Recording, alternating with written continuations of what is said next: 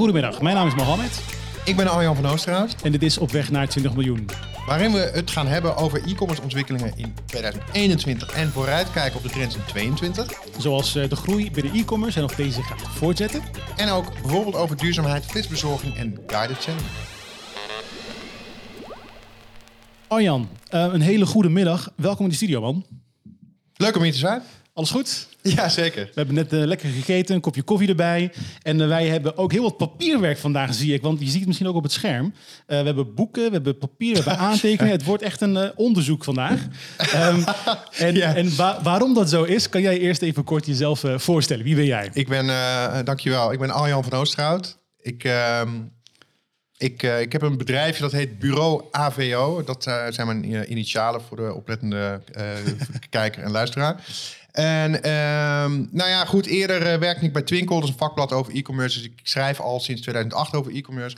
Ik ben eh, begin vorig jaar eigenlijk net pre-corona toevallig voor mezelf begonnen. En ik werk onder andere, en dat was ook een beetje het, eh, wat, waar, wat ik, nou ja, waarom ik het bij me heb. Ik heb, ben dit jaar nog betrokken geweest bij de Twinkle 100 groot onderzoek naar e-commerce spelers in, in Nederland. En eh, toevallig net opgeleverd een boek van Shopping Tomorrow, waar ik bij betrokken ben geweest als, eh, als eindredacteur. Ik ben nu daar eh, ook weer voor bezig met een ander boek. En de Webwinkel vakdagen wil ik ook even noemen. Nou lijkt het net of ik meteen begin met een enorme promo. maar toevallig had ik het zeg maar mee. En dat was meer om het heel uit te kunnen leggen. Maar hierbij, eh, dit is de beurs, de folder van de Webwinkel vakdagen. De grootste e-commerce vakbeurs van, van de Benelux. En die staat weer te beginnen eind januari, Deo voor lente. Dus vandaar dat ik dit bij me had. Maar ik wist ook niet dat je het zou benoemen. Maar dat is een beetje wat ik zowel doe. Dus dat zijn opdrachtgevers van mij. En ik werk ook voor andere bedrijven, bureaus, et cetera. Je, je schrijft al sinds 2008 over e-commerce, binnen het e-commerce domein. En eh, nou, dat was aanleiding voor jou, of tenminste voor ons, om eh, ook eh, de inhoud van, van vandaag te bepalen enigszins. En dat wordt hopelijk een terugblik op 2021, e-commerce landschap, en Ja. een vooruitblik naar 2022. Als wij beginnen bij de zaken ehm, die hebben gespeeld in 2021. Wat is voor jou echt een nummer één eh, eh, eh, ehm, een samenvatting of de, het eerste wat je zou noemen als je terugblikt op 2021? Wat is er gebeurd in e-commerce? Ik zou dan toch als eerste, denk ik, flitsbezorging noemen. Omdat ik dat vorig jaar absoluut niet had, had Zien gezegd aankomen. of voorzien. Oké, ja, ja. Gevolgd denk ik door, maar misschien komen we daar zo nog op, ja, die marketplace eh, aggregators. Dus eh, de, de, de partijen die marktplaatsen, verkopers overnemen om die op te schalen en te laten groeien. Dat heeft een enorme vlucht genomen. Dat begon medio vorig jaar eigenlijk al wel. Maar toen had ik het nog niet zo scherp op de radar. Maar als we het één voor één nagaan, hè, want de flitsbezorging, wa- wat is flitsbezorging? Ik denk dat iedereen wel, wel, wel weet, maar wat is flitsbezorging en wanneer begon het echt te spelen? Ehm, nou, ik denk eerlijk gezegd dat dat ook al wel vorig jaar begon, eind vorig jaar. Maar je hebt, eh, nou, het gaat eigenlijk om partijen die eh, eh, producten heel snel, supermarktproducten bij uitstek in dit stadium, Ja. aan huis bezorgen. Vaak binnen 10 minuten, dat is de belofte, of binnen 20 minuten. Ehm, en te denken valt dan bij aan onder andere Gorilla's, is misschien wel de bekendste in Nederland. En de- die zijn heel erg ja, gegroeid. Hè. Gorilla's heeft al vrij snel eigenlijk grote steden en studentensteden ehm, zijn ze gaan rijden. Dat zijn er ongeveer tien al uit mijn hoofd.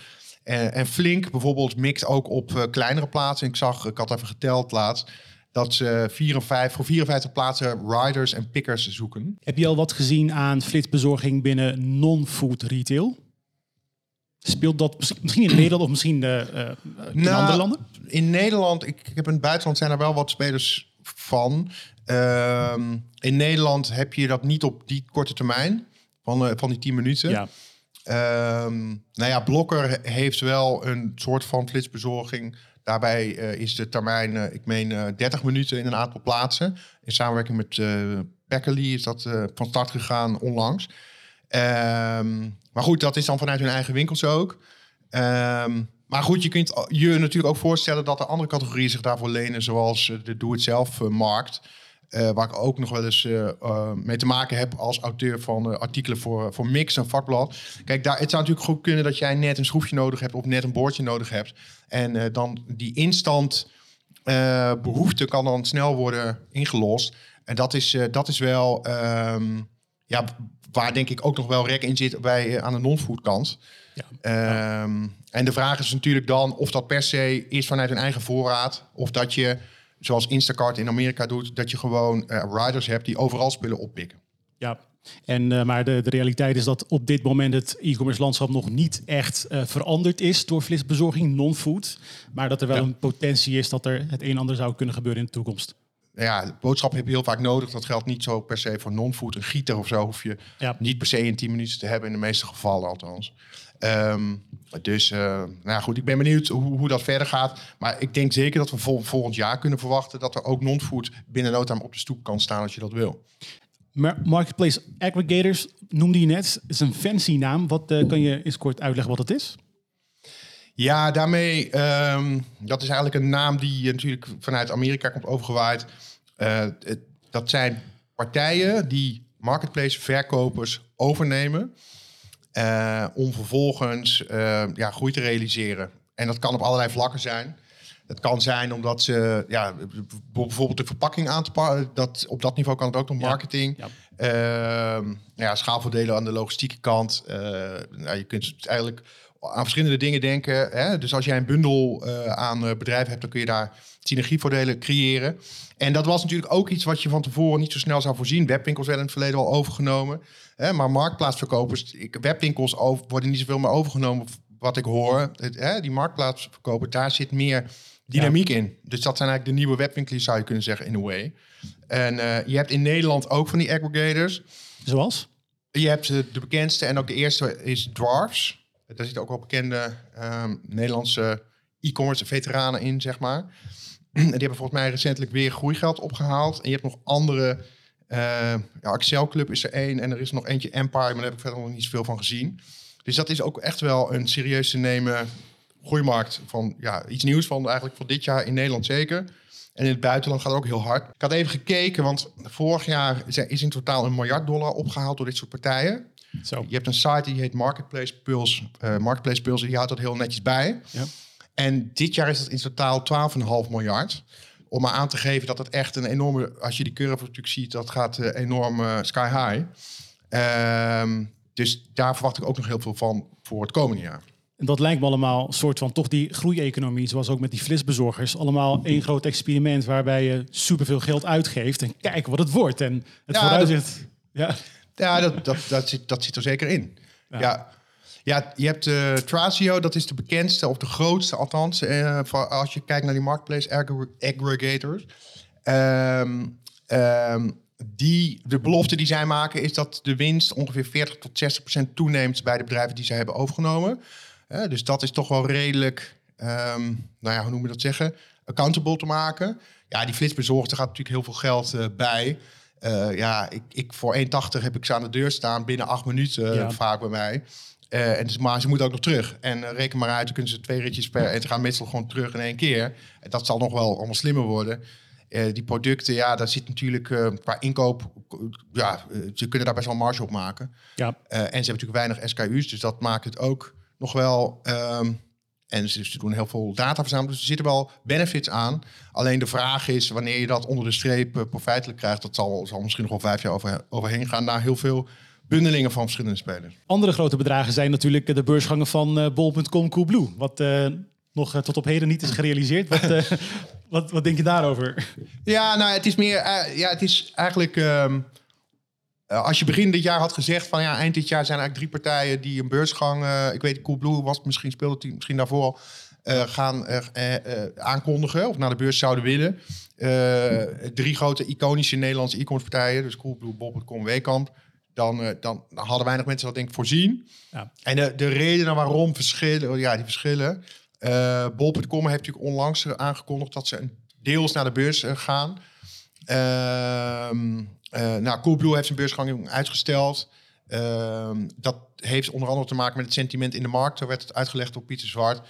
Ehm, nou ja, dat kan natuurlijk komen doordat corona nu eigenlijk de zaak wat mooier voorspiegelt dan uiteindelijk uh, zal blijken. Dan weten we natuurlijk ook niet hoe lang dit allemaal nog gaat duren.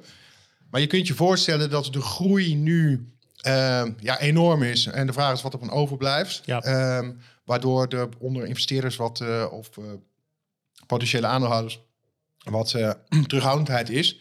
En dit niet het moment is. Bij Weekamp speelt er ook iets soortgelijks. Die willen zo wordt geschreven, onder andere door het FD, meen ik. De, juist naar de beurs, omdat zij eh, geen koper weten te vinden buiten de beurs. Ehm, eh, en dat zou ook te maken hebben met corona, die eigenlijk nu, waaruit, ja, daardoor, boeren zijn nu relatief goed. Weekamp staat eigenlijk best wel een dip, maakte, eh, eh, schreef rode cijfers. Vorig jaar hadden ze weer een plusje, door wat eh, eenmalige dingen ook. Maar ook eh, doordat de bestedingen behoorlijk toenamen. Dus corona kwam voor hen als een soort van blessing in disguise, kan zou je kunnen zeggen. Maar goed, dus daarover gaat nu ook het verhaal dat ze naar de beurs zouden willen volgend jaar. Ja, en als we het over die groei hebben in eh, e-commerce landschap, wereldwijd eigenlijk, maar ook zeker in Nederland. Ehm, eh, ik, ING publiceerde cijfers eh, ergens halverwege dit jaar, waarin ze stelden dat eind 2021, begin 2022, ik weet niet of het al waar Mhm. is gemaakt, dat het aantal webshops meer zal worden voor het eerst in de geschiedenis dan het aantal fysieke stenen winkels non-food dan wel. Ja. Ehm, dat er een om, om, omslagpunt komt. Ehm, die groei had natuurlijk alles te maken met corona. De groei die gaat afnemen. Heb jij enig zicht op eh, wat, wat, wat er wordt gezegd in de markt over de aankomende jaren? Gaat het zo blijven? Gaat het de andere kant op? Gaan we krimpen? Corona heeft echt tot enorme pieken geleid. Ik had dat toevallig ook nog meegenomen. Maar kijk, ik weet ook niet of dat eh, voor jou... Ik, kan, ik zal het jou laten zien. Kijk, hier, corona zet in. Ja. Dit is de groei volgens CBS van de detailhandel online in Nederland. Volgens mij spiegelt dat misschien dan nog een beetje. Ja, dan zie je gewoon dat daar... In, dit is een beetje 15, 20 procent groei. Dan komt, wordt het maart, april 2020. Dan zie je die groeicijfers per maand oplopen tot meer dan 100 procent vorig Ja. jaar winkels dicht, et cetera. Ja, ja. Nou ja, vervolgens winkels weer open.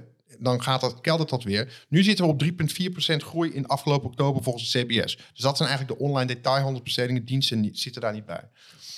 Ja, je kunt natuurlijk die groei met winkels dicht. Dat, dit, dit verhaal dat kon- gaat niet meer voorkomen. Nee, precies. Dus je blijft een beetje op een soort plateau hangen, denk ik. Maar ja, in januari, eh, deze of februari, stel dat de, de wink, gewone winkels open zijn nog steeds, wat we hopen. Ja, dan zul je dus, eh, dan zal, de- ja, dan zal je dus inleveren op 2021. Begin, begin dit jaar, omdat de winkels Ja. toen dicht waren. Ja. Als jij Ja. er nou helemaal op voorgesorteerd bent op groei, verdere groei, of in ieder geval aanhoudende hoge volumes. En je hebt daar eh, je organisatie op ingericht, je inkoop, eh, personeel, et cetera.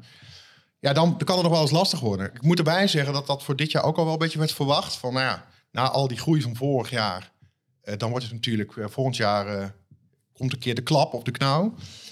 Tot op heden is dat niet zo. We zitten dus nu op 3,4% afgelopen oktober, althans volgens het CBS.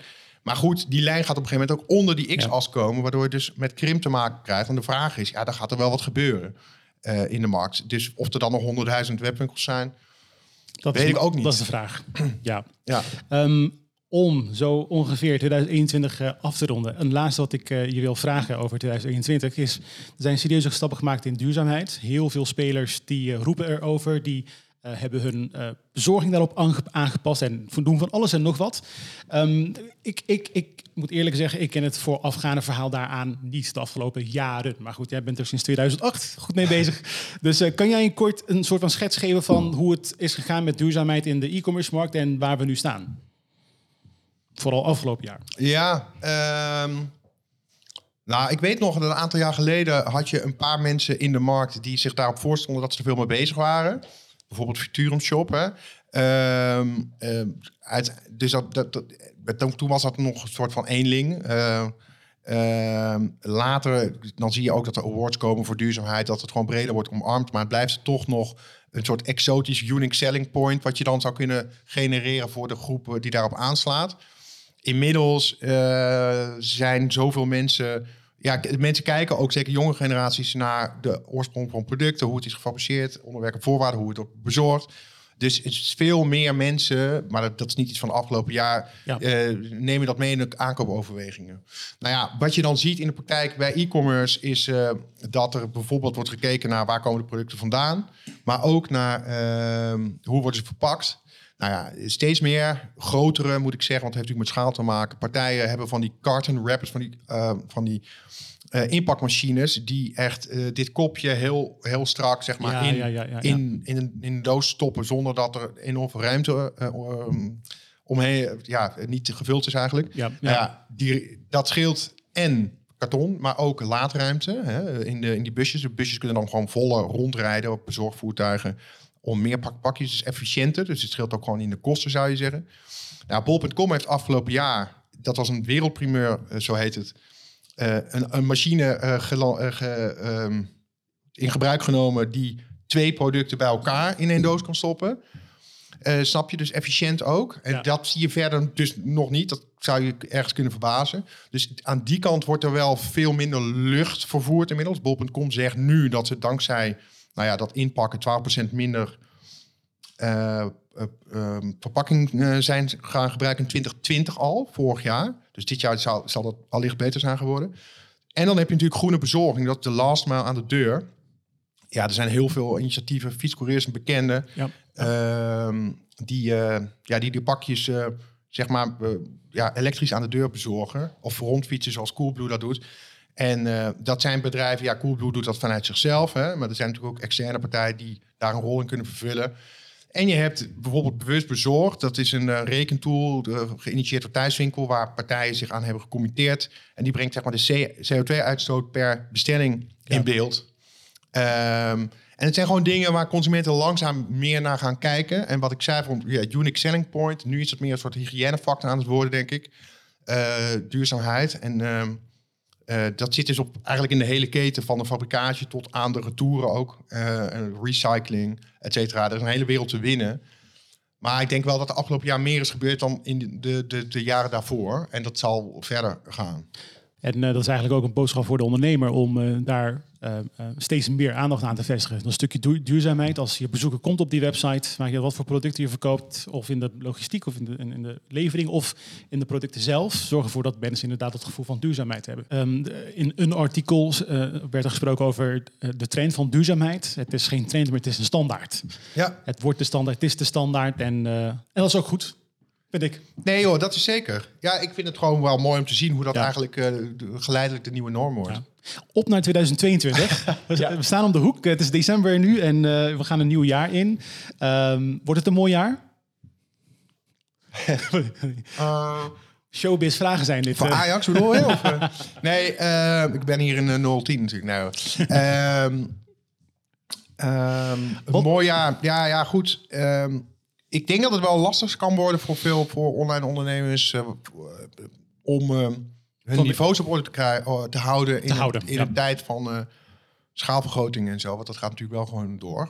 En de economie gaat ook heel goed eh, de laatste tijd. Eh, tenminste, de laatste lange tijd. Met uitzondering van corona natuurlijk. Ja. Maar eh, het is, eh, je, moet, je moet het inderdaad wel kunnen vasthouden. Nou ja, precies. Kijk, ik weet niet in hoeverre het over die steunpakketten en zo corona hoeven te hebben. Maar ja, er zijn natuurlijk heel weinig faillissementen relatief gezien. Ja. En er wordt steeds gratis geld bijgepompt. wat ook nodig is, denk ik. maar goed, uiteindelijk komt er natuurlijk een tijd dat mensen de boek weer helemaal zelf op moeten houden. Dan ben ik wel benieuwd voor wat er gaat komen. We hebben nog inflatie en lastige eh, toevoer van de eh, distributieketen, et cetera. Dus eh, ik denk dat het wel uitdagend gaat worden. Dat is een enorme cliché dit. Maar Ja, het, ja. dat werd voor dit jaar ook voorzien. Maar eigenlijk misschien wel dankzij corona-steunpakketten, dankzij hoge online volumes, is de e-commerce sector er denk ik niet slechter op geworden. Ja. Maar er komt denk ik inderdaad wel een, een, ja, een mindere periode aan voor de gemiddelde online verkoper. Dat, eh, moeten we, dat moet nog allemaal blijken. Ja. Ehm, wat we wel al weten is eh, nieuwe regelgeving. In 2021 halverwege zijn eh, de Chinese pakketjes, daar is BTW voor ingevoerd. Voor de, voor de onder 22 euro eh, Ja, pakketjes. dat was dit jaar inderdaad. Ja. Dit jaar inderdaad. En er komen nog meer regels aan in 2022. Wat heb je daarin iets van wat, wat heel belangrijk is? Ja, ik moet je bekennen dat ik niet precies weet hoe, hoe het in de praktijk eh, uitpakt en hoe het wordt gehandhaafd. Ja, Maar er komen wel nieuwe regels die vanuit Europa zijn gekomen over bijvoorbeeld zoekresultaten, ranking. Hè? En als jij eh, de ranking beïnvloedt op basis van ehm, ja, een partij die ervoor betaald heeft, hè? eh, dan moet je dat duidelijker maken dan dat nu het geval is. En dat geldt ook voor ratings, reviews. Je ziet sowieso dat er, denk ik, aan de regelgevende kant veel dingen gebeuren die ook door Europa die eh, goed zijn voor, eh, voor, voor e-commerce in Europa en in Nederland. Je Maar- hebt- maar- jij- je haalde, die BTW eh, van die pakketjes uit China inderdaad aan, of überhaupt van buiten de Europese Unie. Dat heeft er bij PostNL voor gezorgd dat hun winst is gekelderd. Dat is eigenlijk ook wel weer grappig. En op zo'n niveau, dat, het is eigenlijk de impact groter geweest dan ze hadden verwacht. Kijk, Ja. op een pakje van 20 euro, de BTW, dat scheelt dan een paar euro. Maar toch heeft dat er wel voor gezorgd dat mensen minder zijn gaan kopen in China. En andere landen, maar vooral China, denk ik. Ehm, Voor, voor die goedkopere producten dus. En dan spelen nog wat andere dingen. Wereldpostunie hadden, had China een uitzonderingspositie bijvoorbeeld. En zo zijn er nog wel wat ehm, andere regels. De ACM heeft ook uh, maatregelen getroffen samen met andere Europese toezichthouders. Op dat bijvoorbeeld de Alibabas van deze wereld ook moeten duidelijk maken van wie een pakketje nou komt. Waar je terecht kunt met klachten.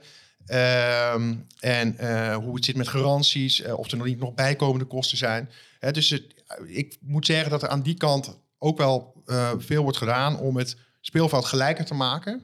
En in dit geval profiteren Nederlandse partijen daar relatief gezien van. Want dat, dat was dus een vraag. Want het, wordt socialer, het wordt eerlijker. Maar voor de ondernemer die nu zeg maar geld maakt vanwege zeg maar, de ruimte die eh, de wetgeving nu biedt, voor die persoon wordt het natuurlijk uh, een, een nadelige effect. Ja, als het goed is wel. ja. en dat is natuurlijk de bedoeling. nee. Daar zijn die regels ja, voor. Nee, klopt. Ja, kijk, ik bedoel, die markt, dat is, vind ik ook wel leuk als je er inderdaad wat langer bij betrokken bent.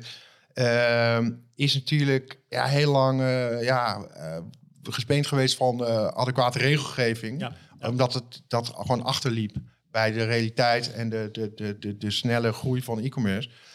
dus heb je heel veel cowboys gehad. En um, en die zijn er nog steeds en die zul je ook altijd wel houden. Maar het wordt wel wat dat betreft beter gereguleerd. En dat is denk ik voor consumenten en voor eerlijke ondernemers uh, goed. Wat ik wel vind, als marketeer dan, hè? want mm -hmm. je had bijvoorbeeld uh, Facebook advertenties, de welbekende, hè? het schandaal ook van, van een aantal jaren terug. Maar je kan dus in principe, je kon uh, met advertenties kon je mensen targeten op super specifieke uh, attributen. Dat kan nu niet meer. Tenminste, het kan wel, maar daar moet je toestemming voor geven. En het is zo moeilijk gemaakt. En voorheen kon het wel allemaal. En daar hebben heel veel mensen op gecashed. Want ze mm -hmm. konden zo goed adverteren en zo gericht. Nu kan het niet meer. Nu moet je natuurlijk als ondernemer je marketingplan daarop aanpassen. En mm -hmm. wat het wel met zich meebrengt is, die ondernemer moet gewoon snel zijn.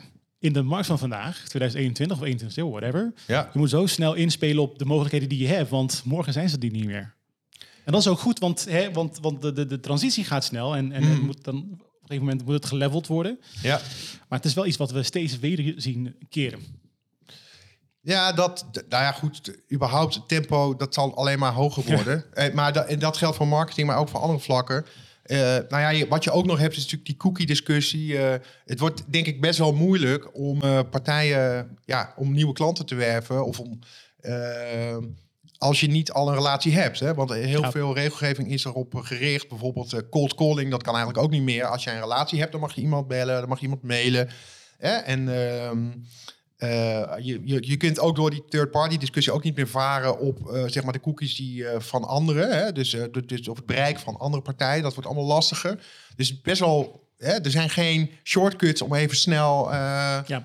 Je boodschap over te brengen. Dat, dat denk ik inderdaad ook wel dat het lastiger wordt. Een ander, ander iets wat we steeds meer, zien, meer zien gebeuren is het centraal stellen van de klantervaring. Uh, was er altijd al, maar nu uh, leent technologie zich ook daarvoor. Um, guided selling, virtual commerce. Omoda, een welbekende speler. Zij hebben onlangs, nou, misschien maanden terug, ik weet niet precies, mm -hmm. um, hebben een hele hebben een marketingvisie opgefrist. En wat je nu doet bij hun webshop is, je komt daar en je shopt niet op producten, je shopt op een look, op een, op een visuele uitstraling. Ja. En dat hebben ze helemaal goed ingericht. De UX is daarop uh, ingericht en, en de fotografie. Het is intensief om dat ook te realiseren, maar ze hebben het gedaan.